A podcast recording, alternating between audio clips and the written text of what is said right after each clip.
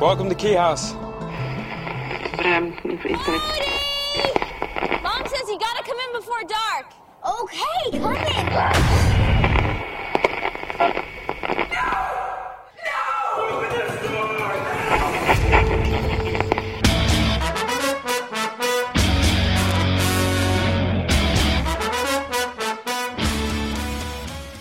Witam wszystkich bardzo serdecznie w kolejnym odcinku Radia SK, czyli podcastu poruszającego się w obszarach i najbliższej okolicy Stephena Kinga. Dzisiejsza audycja po raz kolejny wybiega poza granice dotyczące bezpośrednio Kinga. Ponownie wkraczam na podwórko najstarszego syna Kinga, Joe Hilla, i dzisiaj będę poruszał się w nietypowej dla siebie tematyce. Mianowicie omówię grę Lock and Key The Game. Your father hid things from me, Bodhi. This is not about dad. Shut up. This is all about Dad. Well, Dad's not available. He's dead. I need the key. You really my dad's best friend. Once upon a time, Bodhi. Oh, God. Nina, wait. For what? My six year old Devane helped me across his forehead? You have to help. You promised. You're right. I did.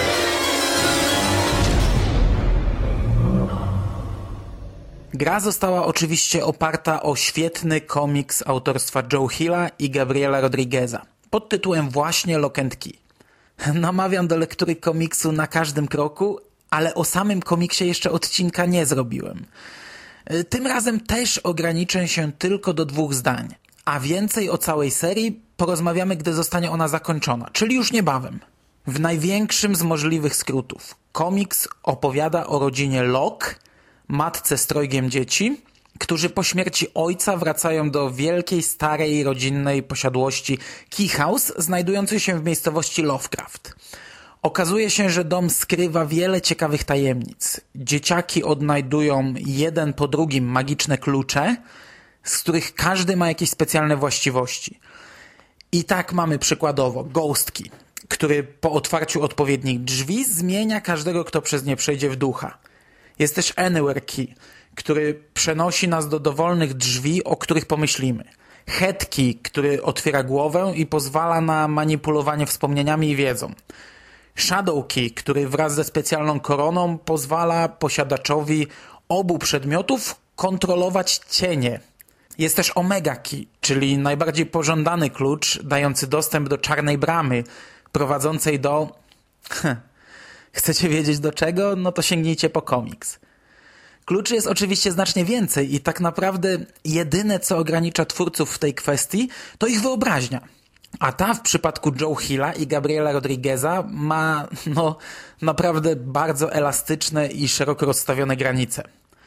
Główna sześciotomowa seria stanowi kręgosłup całego projektu, a już powoli powstają jakieś dodatkowe one-shoty i we wstępnych zapowiedziach mamy pierwszą osobną miniserię. Z Lock and Key jest trochę podobnie jak z amerykańskim wampirem Scotta Snydera, do którego swoje cegiełki dołożył też Stephen King. Mianowicie w przypadku Lock and Key główny komiks opowiada dość wąską historię współczesną, przeplataną z retrospekcjami z poprzedniego pokolenia rodziny Lock i z kilkoma podróżami do samego początku, kiedy to powstawały pierwsze klucze. Ale tak naprawdę twórcy mogą skakać po całej kilkusetletniej historii Ameryki i po kolejnych pokoleniach. Już mamy pojedynczy zeszyt rozgrywający się w początkach XX wieku. W zapowiedziach jest seria umiejscowiona w okresie II wojny światowej. Pod koniec sierpnia wyszedł specjalny zeszyt Grindhouse, będący gangsterską opowieścią rozgrywającą się w czasach wielkiego kryzysu. I tak można bez końca. No, prawie bez końca, ale pole do popisu jest ogromne. Okej, okay, i powiedzmy, że na tym się zatrzymam, bo zaraz się zrobi audycja o komiksach. Chciałbym tylko zaznaczyć, że Lock and Key, poza tym, że jest no, moim ulubionym i chyba najlepszym komiksem, jaki czytałem, jest też jedną z najlepiej przemyślanych historii rozpisanych i ułożonych z góry na konkretną ilość zeszytów. Mniej więcej od połowy całego projektu na okładkach poszczególnych zeszytów mamy wsteczne odliczanie do finału. Już na samym początku komiksu pojawia się masa szczegółów, które zostaną rozwinięte dopiero w końcowej fazie tego projektu. Dajmy na to w siódmym zeszycie, czyli sam początek drugiej serii. Mamy wielki rysunek teatru, który z każdą kolejną serią nabiera nowego znaczenia i czytelnik ciągle odkrywa na nim nowe szczegóły.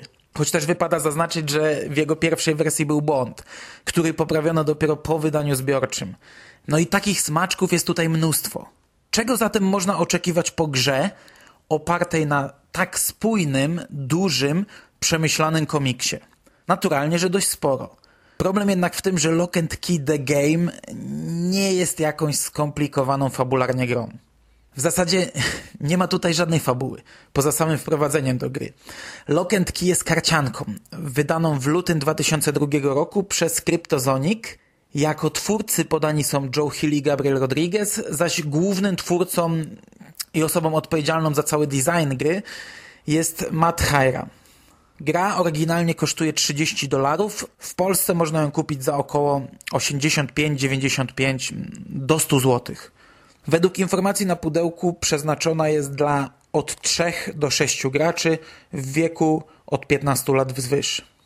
Czytając opis dowiadujemy się, że gra łączy w sobie elementy kooperacji i konkurencji. Podczas rozgrywki zbierasz niezwykłe klucze, które otwierają nowe opcje gry i tworzysz potężne kombinacje z pozyskanych kart. Wspólnie z innymi uczestnikami rozgrywki starasz się stawić czoła przerażającym wyzwaniom napotkanym w tajemniczej rezydencji. Podczas tej mrożącej krew w żyłach podróży będziesz rozważnie rozdzielał zasoby, w miarę możliwości udzielając pomocy innym graczom. Kolejne pokonane wyzwania zwiększają sekretną pulę zgromadzonych punktów, których ostateczna ilość wyłoni zwycięzcę. Jak natomiast wygląda to w rzeczywistości? Na stole możemy ustawić sobie kartonową makietę Key House, czyli tej rezydencji, w której rozgrywa się akcja naszej karcianki. Do dyspozycji mamy też kartonowy żeton, który przedstawia zamek do czarnych drzwi, otwieranych kluczem Omega. A jego rolą jest zaznaczenie gracza, który aktualnie prowadzi rozgrywkę, czyli tego, który wygrał poprzednie rozdanie.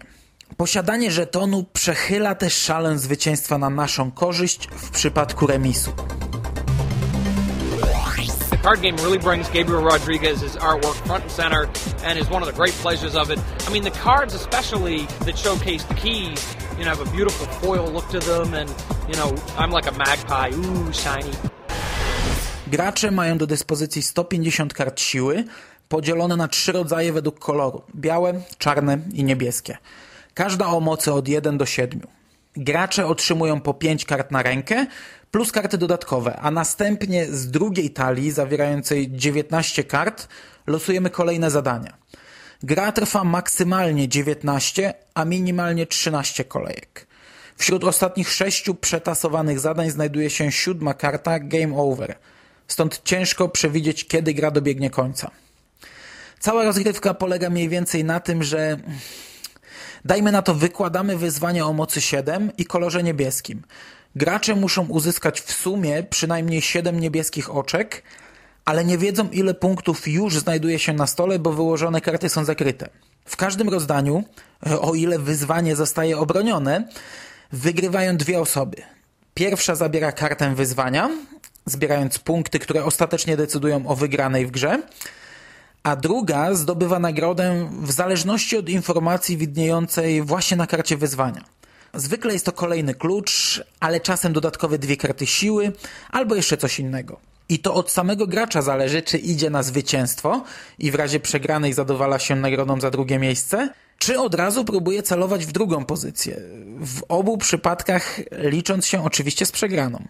Poza tym gracz może użyć specjalnych kart siły, które przykładowo w razie przegranej pozwalają mu zdobyć klucz lub inny bonus. W takim konkretnym przypadku, bo nie każda karta specjalna ma takie własności, więc w takim konkretnym przypadku gracz dąży nie do obronienia wyzwania, a do przegrania go. Może też użyć specjalnych kombosów. Przykładowo, wykładając karty 1, 2 i 3, w razie spełnienia jeszcze dodatkowych warunków, zdobywamy jakieś dodatkowe karty. I to jest z grubsza wszystko. Gra jest strasznie prosta, bardzo ładnie wykonana, ale niestety jej związek z serią komiksów ogranicza się tylko do warstwy graficznej. Przykładowo, mamy kadr przedstawiający Tylera, najstarszego syna Loków, z otwartą głową. Karta bez żadnych dodatkowych zdolności o sile 3 we wszystkich trzech kolorach. Rysunek nie ma związku z kartą. Jest tylko dla ozdoby. Y, równie dobrze może być tutaj mm, Czubaka i można powiedzieć, że jest to gra z uniwersum Gwiezdnych Wojen.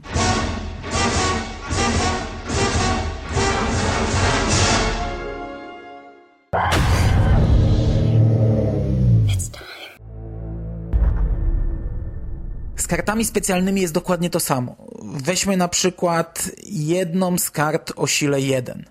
Na rysunku jest Bolt, najmłodszy syn, z kluczem w głowie i mózgiem podzielonym na różne sektory. Taki sam rysunek zdobił okładkę jednego z zeszytów drugiej serii. Dodatkowa własność tej karty polega na tym, że jeśli wygrasz wyzwanie o kolorze, w jakim jest karta, to oprócz zwykłej wygranej dostajesz jeszcze dodatkowy klucz. I jak wyżej, karta mogłaby przedstawiać równie dobrze klauna Pennywise'a. Spójrzmy zatem na karty wyzwań. I tutaj jest dość podobna sytuacja, z tą różnicą, że wyzwania mają jakąś swoją nazwę. Dajmy na to. Sam Lesser, białe wyzwanie o sile 8. Albo stracone wspomnienia, niebieskie wyzwanie o sile 7. Żywe echo, niebieskie wyzwanie o sile 6. Czarny rycerz, czarne wyzwanie, siła 5. Złamane serce, białe wyzwanie, siła 5 i tak dalej. Każda karta opatrzona jest rysunkiem odpowiednim do nazwy i faktycznie oznaczającym jakiś komiksowy kryzys. Owszem, dla samej gry istotna jest tylko siła wyzwania, no ale przynajmniej jakoś jest to podpięte pod komiksowe historie. Oczywiście równie dobrze można by zrobić kartę Gwiazda Śmierci o kolorze szarym i sile 10, no ale wyzwania w przeciwieństwie do kart siły i ich specjalnych własności są przynajmniej związane z tytułem gry. Niedawno w drodze na Polkon grałem w bardzo fajną, okrutnie prostą, fanowską karciankę Star Wars Stolen Plans, która była dość dobrze osadzona w uniwersum, ale na takiej zasadzie, że po powrocie do domu w kilka dni zrobiłem swoje karty, wszystkie wzorowane na tamtej grze i wszystkie przekonwertowane na Mroczną Wieżę. Zamiast Jedi są rewolwerowcy, zamiast mocy mamy dotyk, do podejrzenia kart służy tęcza czarnoksiężnika i różne tego typu zagrywki. W zasadzie zmieniłem tylko grafiki i nazwy, a cała mechanika gry pozostała bez choćby jednej zmiany. I w obu wersjach gra jest dobra, i w obu wersjach gra jest zakorzeniona w swoim uniwersum. W przypadku Lock and Key to połączenie z konkretnym światem jest jeszcze mniejsze. To jest nikłe powiązanie i tylko w przypadku stawianych nam zadań. W kartach siły, które stanowią prawie całą talię, nie trzeba zmieniać nic poza grafikami, by przenieść zabawę w dowolne inne środowisko. But most of all, it has the keys. Um, you know, Lock and Key is the story of a very old house filled with enchanted and unlikely keys. And in the card game, the keys are all there, and you can drop them like bombs on your on your best friends and and steal their victories and crush and humiliate them. And I think that that's really what a good sporting game is all about. I love it. Okej, okay, ale pamiętajmy jeszcze, że gra to nie tylko wyzwania i karty siły. Do dyspozycji mamy jeszcze 15 kluczy. Przepięknie wykonane karty, które zdobywamy dodatkowo w trakcie gry.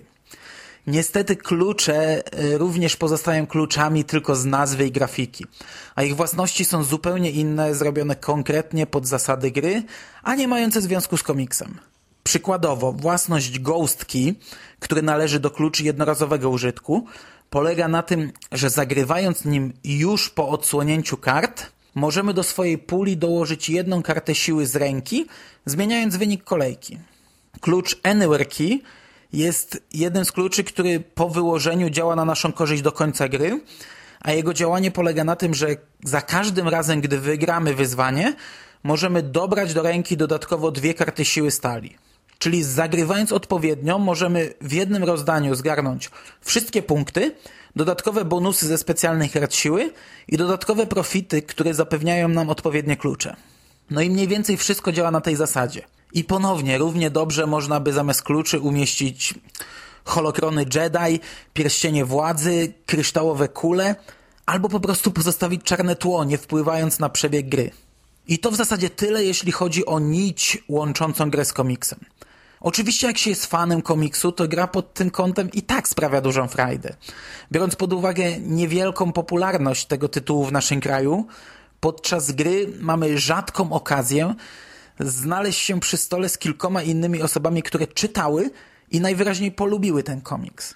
Oczywiście, aby zasiąść do gry, nie trzeba w ogóle znać komiksu i ani nie przeszkodzi nam to w zrozumieniu zasad gry, które nie mają nic wspólnego z historią Hilla i Rodrigueza, ale też sama gra nie zaspoileruje niczego osobom nieczytającym komiksu, a zamierzającym kiedyś to zrobić. Inna sprawa, że siadając do stołu z kilkoma fanami serii, musimy się liczyć z tym, że będą leciały spoilery. Podczas Polkonu graliśmy może godzinkę w Games Roomie i osoby, które nie były na bieżąco z komiksem w tym czasie dostały na twarz, no, kilka ciężkich spoilerów. Jednak jeszcze raz podkreślam, sama gra niczego nie zdradza. It's a really great design, and honestly, I think if you've never read Lock and Key, you can still pick up the game and have a blast with it. It is, it has a kind of fast paced feel to it, like poker. It, involves the players overcoming challenges that are out of the comic, um, some of which are supernatural, some of which are personal. It has a collaborative aspect where you can team up with the people you're playing with, but it also has a selfish, uh, you know, aspect where you can stab your friends in the back, and that's fun. Odłóżmy zatem już całkowicie na bok komiks i przyjrzyjmy się samej grze. Ja do tej pory miałem możliwość grać tylko w trzyosobowym składzie. Ponoć jest to najsłabsze rozwiązanie i faktycznie, po pierwsze, każde rozdanie wygrywają przynajmniej dwie osoby, co w przypadku trzyosobowej ekipy graczy stanowi zdecydowaną większość. Dodatkowo w takim składzie dość łatwo jest przewidzieć przebieg rozgrywki. Jeśli, dajmy na to, któryś z graczy ma w posiadaniu i używa klucz pozwalający podejrzeć wyłożone karty jednego z graczy, bo taki klucz też znajduje się w pakiecie, daje mu to no, doskonałą sytuację, bo w takim wypadku nie wie tylko tego, co wyłoży ostatnia osoba. Jeśli jeden z graczy, załóżmy, wykłada trzy karty, to można już przypuszczać, że zagrywa kombosem. A kombos składa się z samych niskich kart, z których dodatkowo do puli liczy się tylko jedna. Gdy drugi gracz zagrywa tylko jedną kartę, to można śmiało przypuszczać, że na stole mamy rozłożone dość niskie karty, a wynik rozgrywki spoczywa w naszych rękach. Wtedy warto zagrać taką kartą, która daje nam profity w razie przegranej i celowo przegrać wyzwanie. My graliśmy w tę grę tylko około godziny i już dało się przewidzieć takie ustawienia, co wydaje mi się byłoby niemożliwe przy sześcioosobowej rozgrywce, w której dodatkowo na wygranej pozycji stoi jedna trzecia, a nie dwie trzecie graczy, jak przy minimalnej ekipie.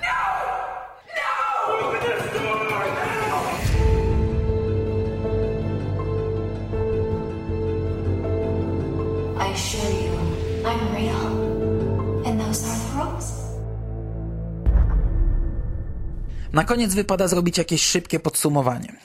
Wizualnie gra jest przepiękna, a jeśli lubicie komiks, to będziecie zachwyceni.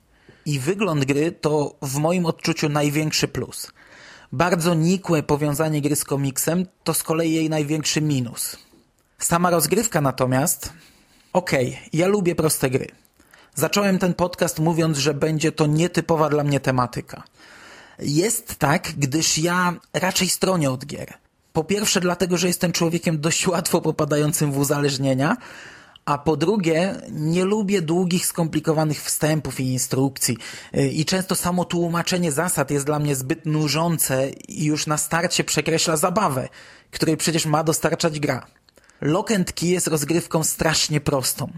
Mam wrażenie, że można by w niej uczestniczyć jednocześnie dyskutując, oglądając kątem oka jakiś film i popijając piwko.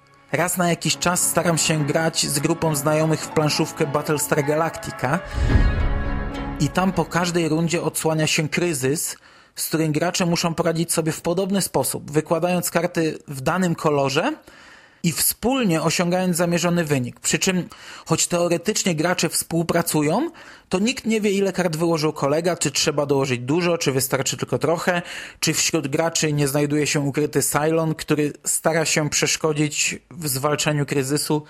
I to jest oczywiście ciekawy moment gry, ale jest to tylko jakiś jej fragment. Lock and Key to gra ograniczająca się tylko do tego. Z tą różnicą, że przegrane wyzwanie nie wpływa w zasadzie na dalszy przebieg gry, poza tym, że w danej kolejce nikt nie wygrywa. Dodatkowo jest to bardzo krótka gra, e, zamykająca się w przedziale od 15 do 30 minut i moim zdaniem jest ona trochę za krótka.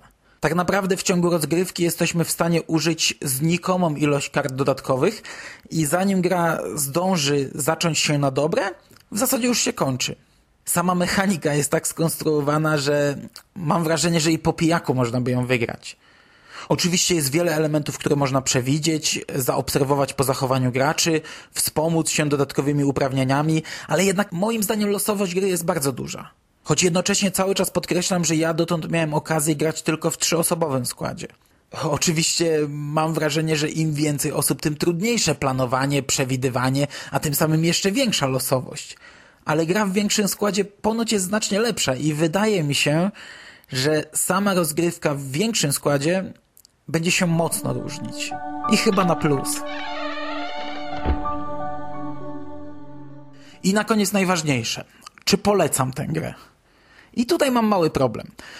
Po pierwsze, nie mam wielkiego doświadczenia na tym polu, ale i tak miałem możliwość grać już w kilka ciekawszych karcianek.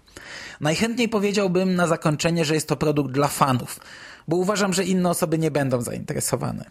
Ale w dzisiejszej audycji wystarczająco mocno podkreśliłem, jak znikomy jest związek gry z oryginałem, i tak naprawdę dla fanów nie ma tu zbyt wiele poza przepięknym wykonaniem, za które w 90% odpowiada i tak praca włożona w sam komiks. Na zakończenie powiem może tak. W tej chwili mam przed sobą rozłożoną na stole całą grę. I jak patrzę na ten zestaw, to nie mogę się doczekać jakiegoś konwentu czy zjazdu, kiedy będę miał okazję usiąść ze znajomymi i zagrać. Ale jednocześnie skłamałbym, gdybym nie powiedział, że pierwszemu kontaktowi z grą towarzyszyły duże oczekiwania, a jednak trochę się zawiodłem. Nie był to zawód na tyle duży, by zniechęcić mnie do dalszej zabawy, ale oczekiwania były jednak znacznie większe. Do usłyszenia zatem.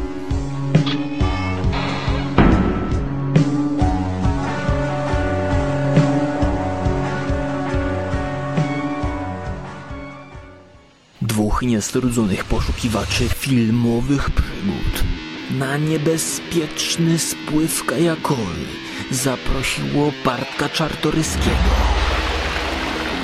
O tym, czy udało im się przetrwać na łonie nieprzewidywalnej przyrody, a także pokonać własne słabości i przechytrzyć szalonych tubylców. Przekonacie się w najbliższy piątek, cztery po północy.